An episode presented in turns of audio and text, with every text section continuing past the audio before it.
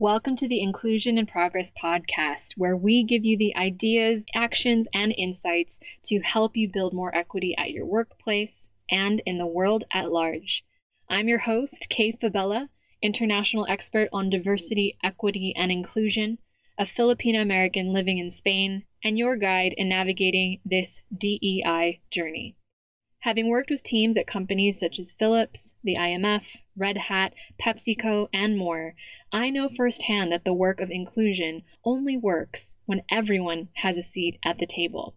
Regardless of your personal entry point into this conversation, your race, ethnicity, gender, ability, age, sexual orientation, country of origin, or educational background, we all have a role to play in creating inclusion for all. And it starts with us having conversations we need to create the change we wish to see. So let's dive into today's episode.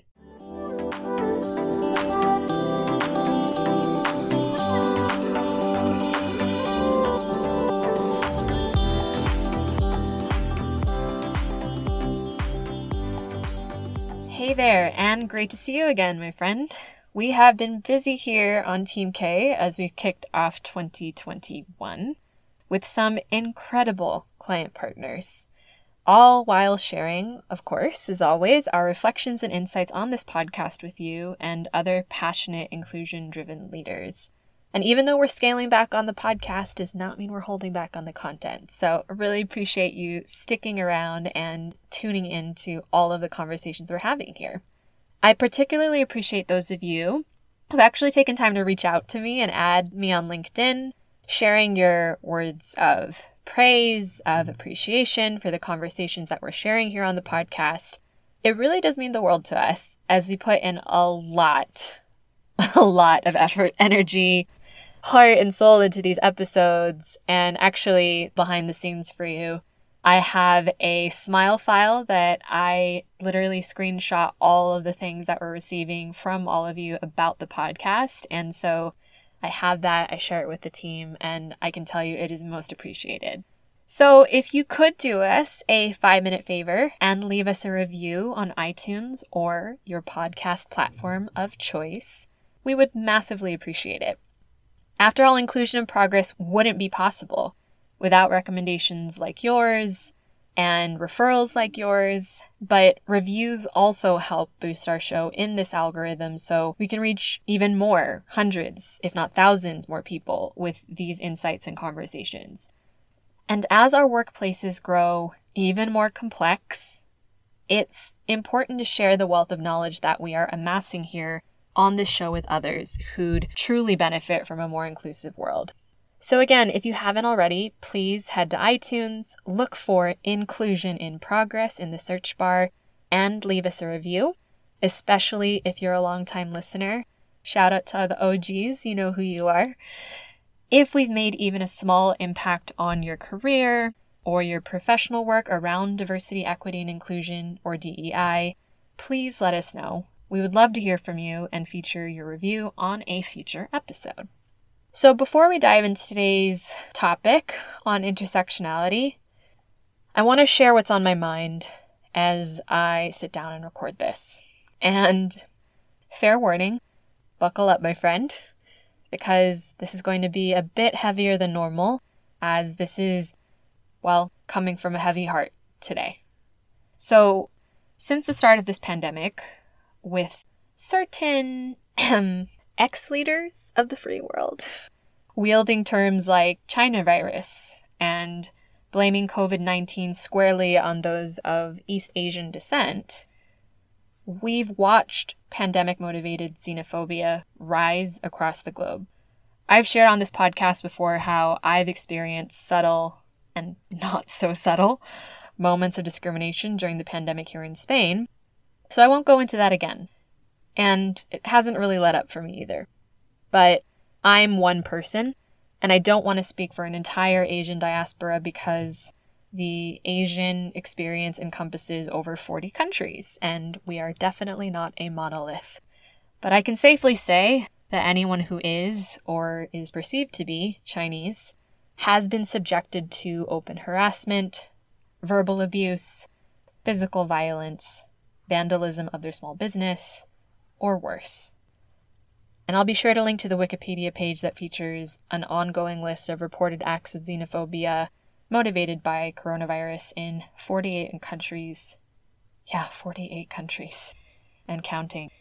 As recently as last week, at the time that I'm recording this, a Thai elder in the US was murdered. A 91 year old man was thrown to the ground and countless acts of vandalism targeting Chinatown businesses in Oakland, California, my home state, were shared and spotlighted by my colleagues Michelle Kim of Awaken and Dr. Erin Thomas of Upwork on Twitter. These acts of violence in particular were perpetuated by other people of color.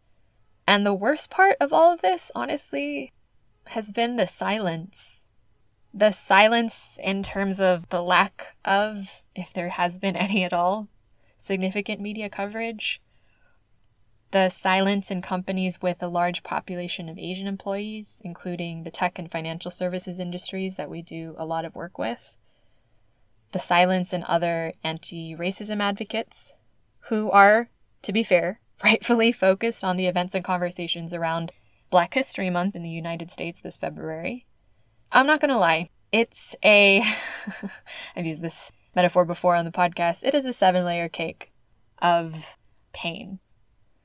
When I've been reminded that no matter where I personally go in the world, the foreignness of my physical appearance will always outweigh someone's perception of me as a human being first. When I face discrimination that is either so subtle in things like questioning my language skills as a native English speaker, or so blatant that I'm physically harassed in the street, or propositioned as a prostitute in broad daylight. Yes, those things really happened. Where do I put that pain when it doesn't neatly fit into one narrative or one box? When I try to engage in my work with diversity, equity, and inclusion, only to experience people saying to my face that you're Asian, so you don't experience racism, or Asians are notoriously racist towards other groups of color, or you guys are the model minority, so your problems aren't as bad as 400 years of slavery. Where do I put that pain as a practitioner? It's painful when people who look like my parents and grandparents are being hazed and murdered on their way to get groceries and no one seems to be addressing Asian employees' psychological safety and racial trauma within their DEI initiatives and organizations. While fellow Asian DEI practitioners like myself are dismantling our own anti black tendencies, beliefs, misogyny, etc., cheering on both white allies and black folks doing the hard work of building inclusion for all around the racial justice movement and the anti racism movement, challenging our own blind spots in this weird intersection that most of us sit in between bias and privilege in our, what I like to call our quote, not quite whiteness, only to hear that our pain is invisible or doesn't matter or isn't as hard where do I put that pain? Yeah, I know. That was heavy. I did warn you, though, right? I mean, I gave you a disclaimer. Listen, as a DEI practitioner, I knew before I took on this mantle, before I could even allow myself to sit in this title, that I had work to do oh, so much work to do to before committing to engaging in this conversation, to leading clients in this long, long mission that we're all on for greater equity and inclusion. I had to do so many hours of work recognizing my privileges, dismantling my biases, challenging my cultural lenses, understanding my blind spots, which, of course, I'm human, there are many and I knew that working in diversity and inclusion meant that I was taking up a mantle that was upheld and carved for me by so many people before me who fought and raged and sometimes died for this work. And that would mean that I was carrying a torch and committing myself to a lifelong mission of helping create a world that truly benefits all of us, not just the communities that I personally identify with as a second generation daughter of Filipino immigrants who now calls Spain home.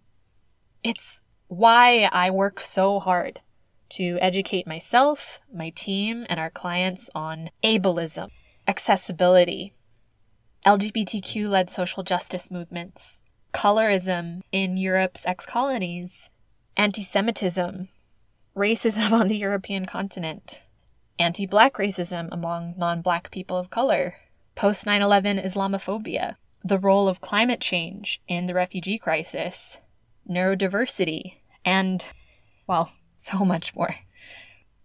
Because you can only redesign workplaces for inclusion when you have a broad view of all of these perspectives historical, economical, racial, power dynamics, geographic, cultural, and a host of others that I'm probably forgetting. I also know and recognize that I'm unique in some ways seeing the world the way that I do. I'm a daughter of immigrants and an immigrant myself. I've benefited from privilege being white passing and English speaking and able bodied, but I've also suffered sexism and racism as a non black American woman of color who now calls Madrid, Spain home.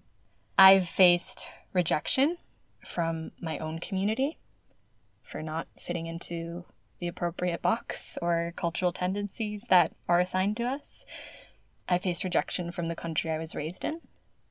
And I've faced rejection in the country I now call home. So I feel deeply for groups who are excluded, no matter where they are in the world. Because I know that discrimination is upheld by systems that existed long before any one of us walked this planet.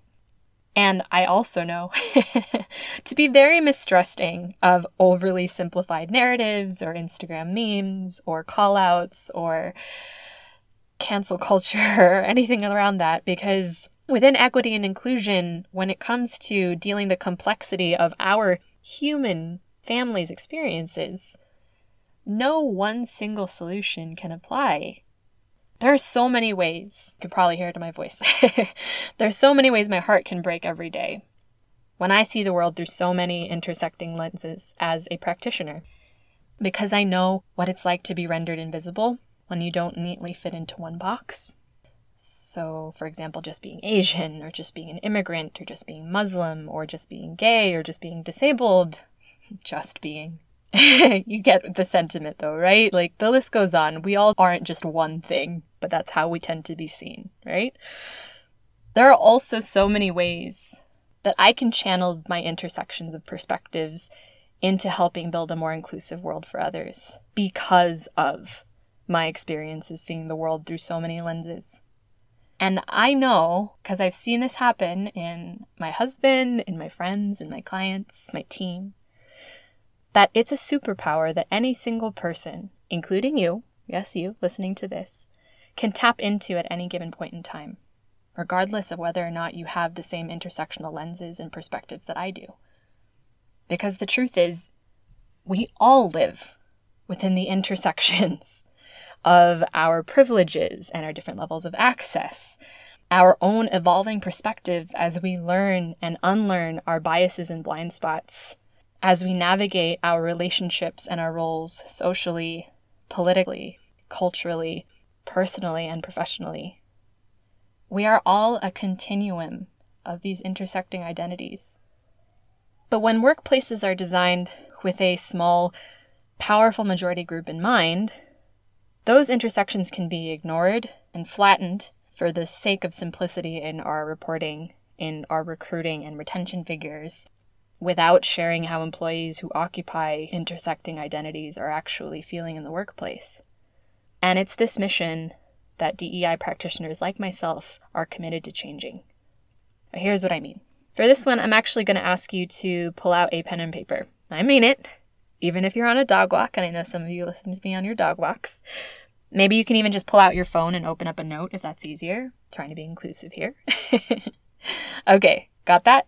Now, open up that notepad or grab that piece of paper, and I would like to invite you to write down all the identities that you possess. So, to give you a hint, help you out a bit, here are some examples of possible categories of identities that could potentially intersect for you. So, there's gender identity, racial identity, sexual orientation, ability, age, nationality or nationalities, languages spoken, socioeconomic background, education level, refugee status, caste, parenting or caregiving duties, marital status, religious beliefs or lack thereof. I hope you get the idea. The list does go on, but just wanted to give you a few things to consider. And feel free to pause this episode while you pull out that pen and paper and write those things down. Got your list? It's not just one thing, right? Now I'd like you to pick any one identity from that list that you wrote down. Just one. Now imagine that your place of work only saw you for this one identity and only offered you one solution. So, a policy or a program or something along those lines that was going to help support that identity while disregarding everything else about you. Which of all your other needs would not be met? How would being reduced to one identity or perception of you make you feel at work?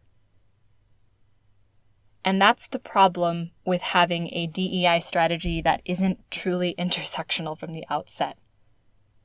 When you focus on, for example, just women, you flatten the experiences of trans, multiracial, disabled women of color. Or when you focus on just black people in the United States, you flatten the experience of black folks across the diaspora in other parts of the world who face different challenges from their American counterparts. That is the effect of having a gender only or race only approach to DEI. We ask ourselves who isn't at the table while only focusing on one part of their story. We reduce complex human beings to one aspect of who they are instead of working actively across intersectional dimensions to help our teams as individuals thrive as their best full selves and move our workplaces and our world forward in the process. But what does intersectionality actually mean and look like in practice? And how can you and your diversity, equity, and inclusion teams create initiatives that prepare us for an intersectional future of work, laying the groundwork for groups like Gen Z and Gen Alpha and everyone to come after them, who have more intersecting identities than ever before? So let's dive into the ins and outs of intersectionality and how it relates to diversity, equity, and inclusion together to set your organization up for a truly inclusive future. So, the first thing we're going to look at today is what is intersectionality? Now, I mentioned this back in episode 53, which you should definitely check out, but I have to give credit where it's due, and the term intersectionality actually comes from Kimberly Crenshaw, who coined the term in 1989 to describe how discrimination against different facets of a person's identity can overlap and impact their lives. She has an incredible paper and an even more amazing TED Talk if you want the quick version and she gives such amazing context for what this term means and how it's defined. It's truly incredible.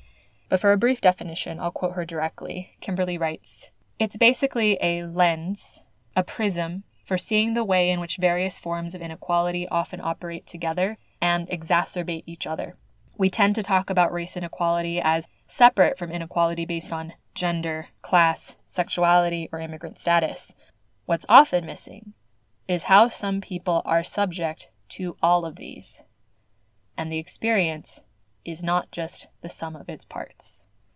Ah, Kimberly Crenshaw. Incredible. Intersectionality within DEI considers different systems of oppression and inequity, and specifically how they overlap and are compounded to shape an employee's experience. Understanding the intersectional makeup of our workforce's population allows us to measure how employees of different identities are experiencing work differently every day. So let's go back to the example I mentioned earlier about focusing on women first in your DEI agenda. I want you to close your eyes for a second and picture a successful businesswoman in your mind. Got it? Good. Now open your eyes. I want to make sure you're not walking into anything. now, if you're listening to this in North America or in most countries based in Europe, there's a high chance that the first image that came to mind for you was that of a white woman. Now, this is nothing to be ashamed of. When I did this exercise, the same thing happened for me too. I've been unpacking that one for a while. the first image I thought of was, in fact, a white woman. And we're conditioned by media and the products that we see to think of whiteness as the default. When we go shopping for band aids, they're mostly offered in pale shades, even though they're meant to blend in with the user's skin tone. As kids, when we use crayons, the one named nude is a paler color.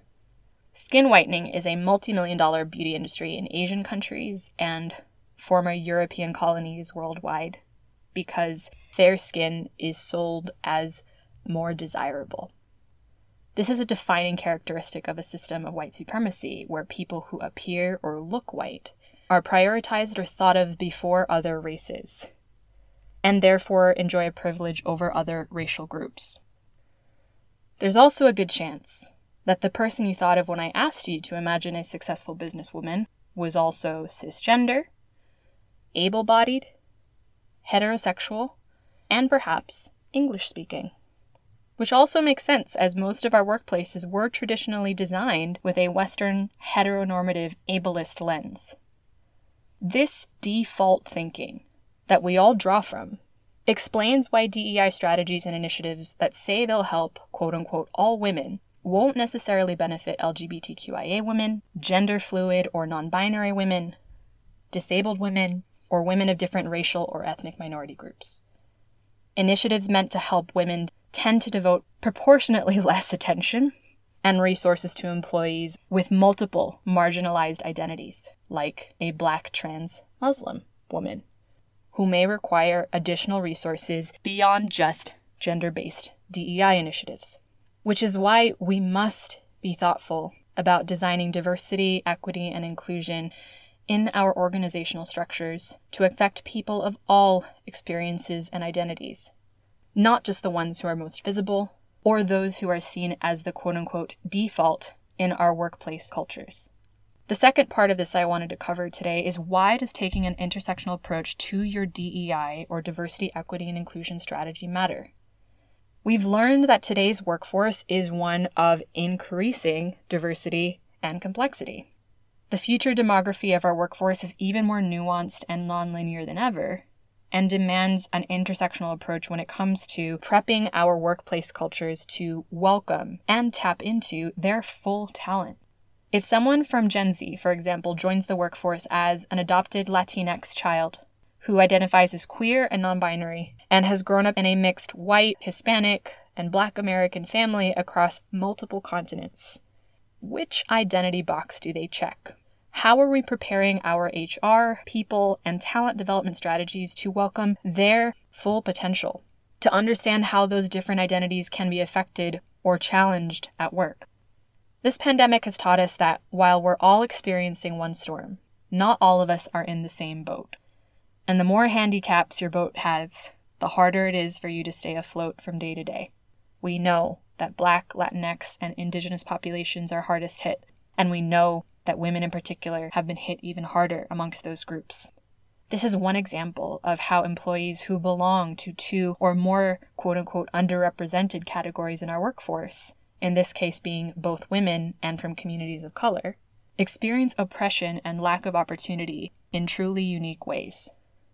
To build on this example, studies show that women of color often face double discrimination because they're facing bias for being women and biases for being people of color.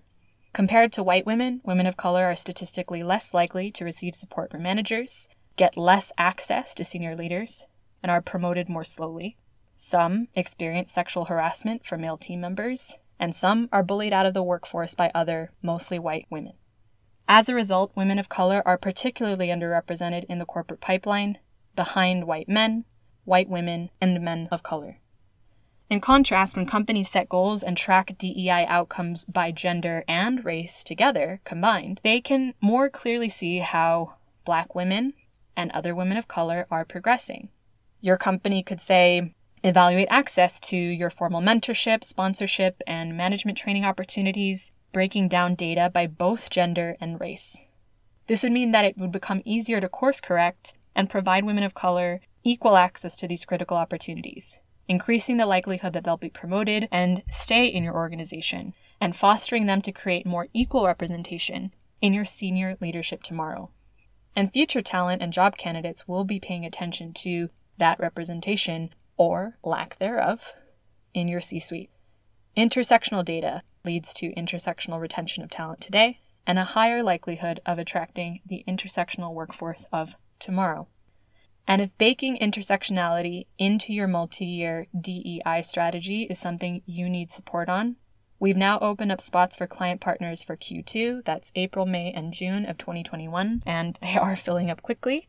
So if you're ready to deepen your company's commitment to diversity, equity, and inclusion, and need a thought partner to help you sustain your initiatives as you grow your DEI team, go ahead and book a call to work with us at the link in the show notes or head to kayfabella.com. That's K A Y, F is in Frank, A is in Apple, B is in boy, E double L A dot com. And on our no pressure consultation call, I'll walk you through our framework to help you assess where your team or your organization are on your DEI journey and help you identify the next right step to build belonging and boost your bottom line.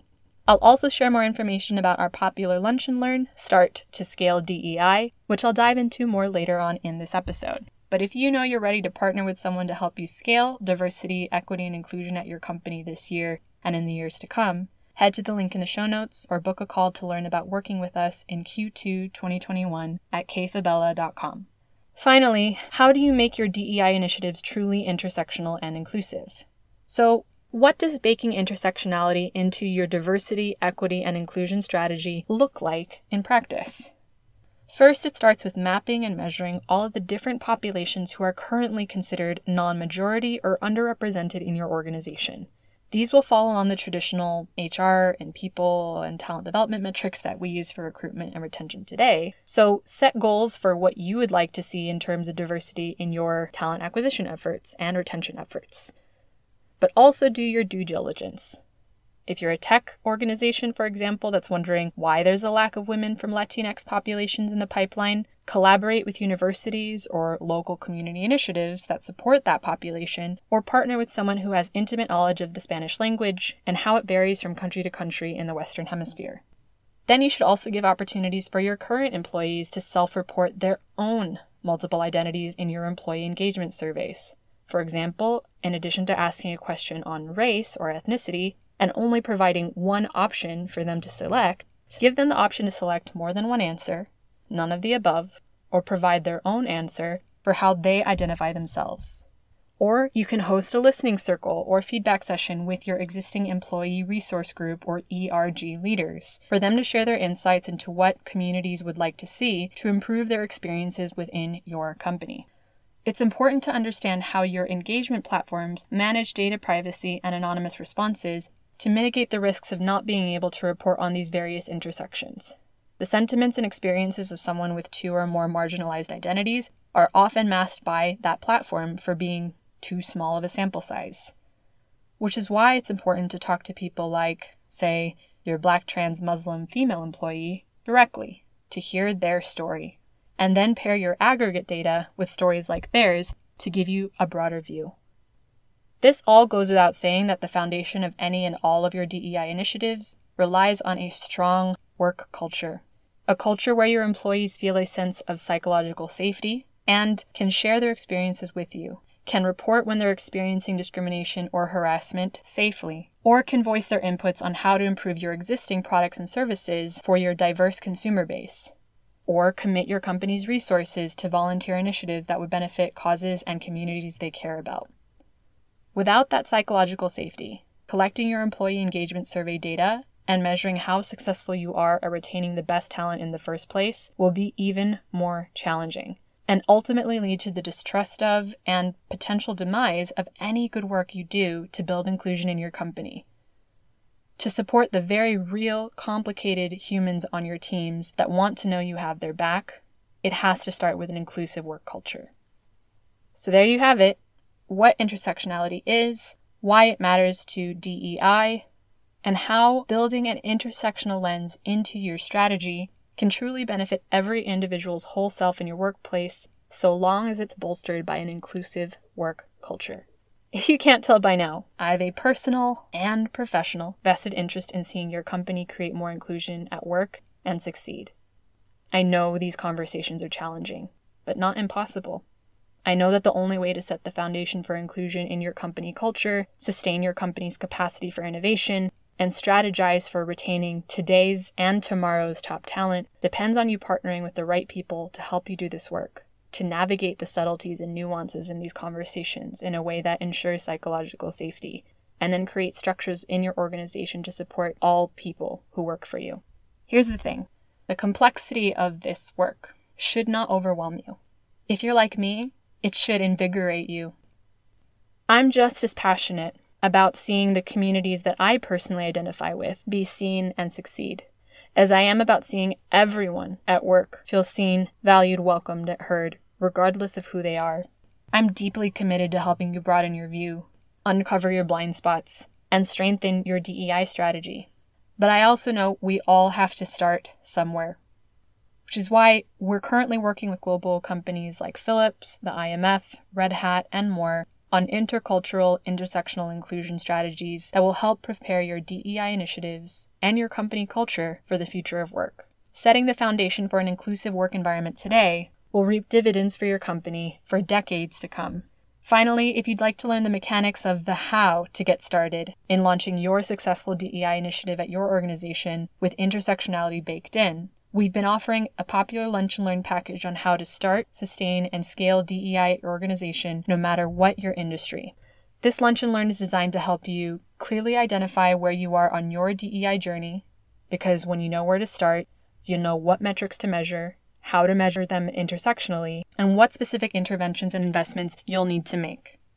The Lunch and Learn will also help you quickly present the business case for DEI to convince other key stakeholders in your company and share a strategic plan because knowing how to share that progress and get people on board is important to help you establish trust, increase engagement with your employees, and sustain your strategy for years to come. The Lunch and Learn will also help you confidently move away from reactive to proactive in your approach to DEI tailoring your metrics and strategy in a way that positions your company as an inclusion focused industry leader by having a strong base to successfully retain and recruit the best talent.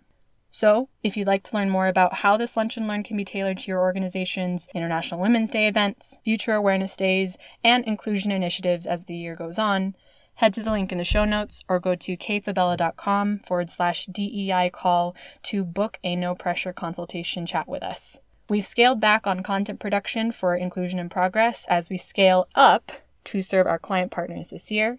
So stay tuned for our next episode later this month with our very first guest for 2021. You're really going to love that conversation as well as the larger lineup we have for this year. And I hope you tune in to really tap into the gems of wisdom that we're sharing here. As always, thank you for listening. Thank you for holding space for the different parts of my experience in addition to the conversation that I wanted to lead here with all of you today. I truly appreciate it. I deeply value your time and attention, and I can't wait to continue the conversation with you next time right here on Inclusion in Progress.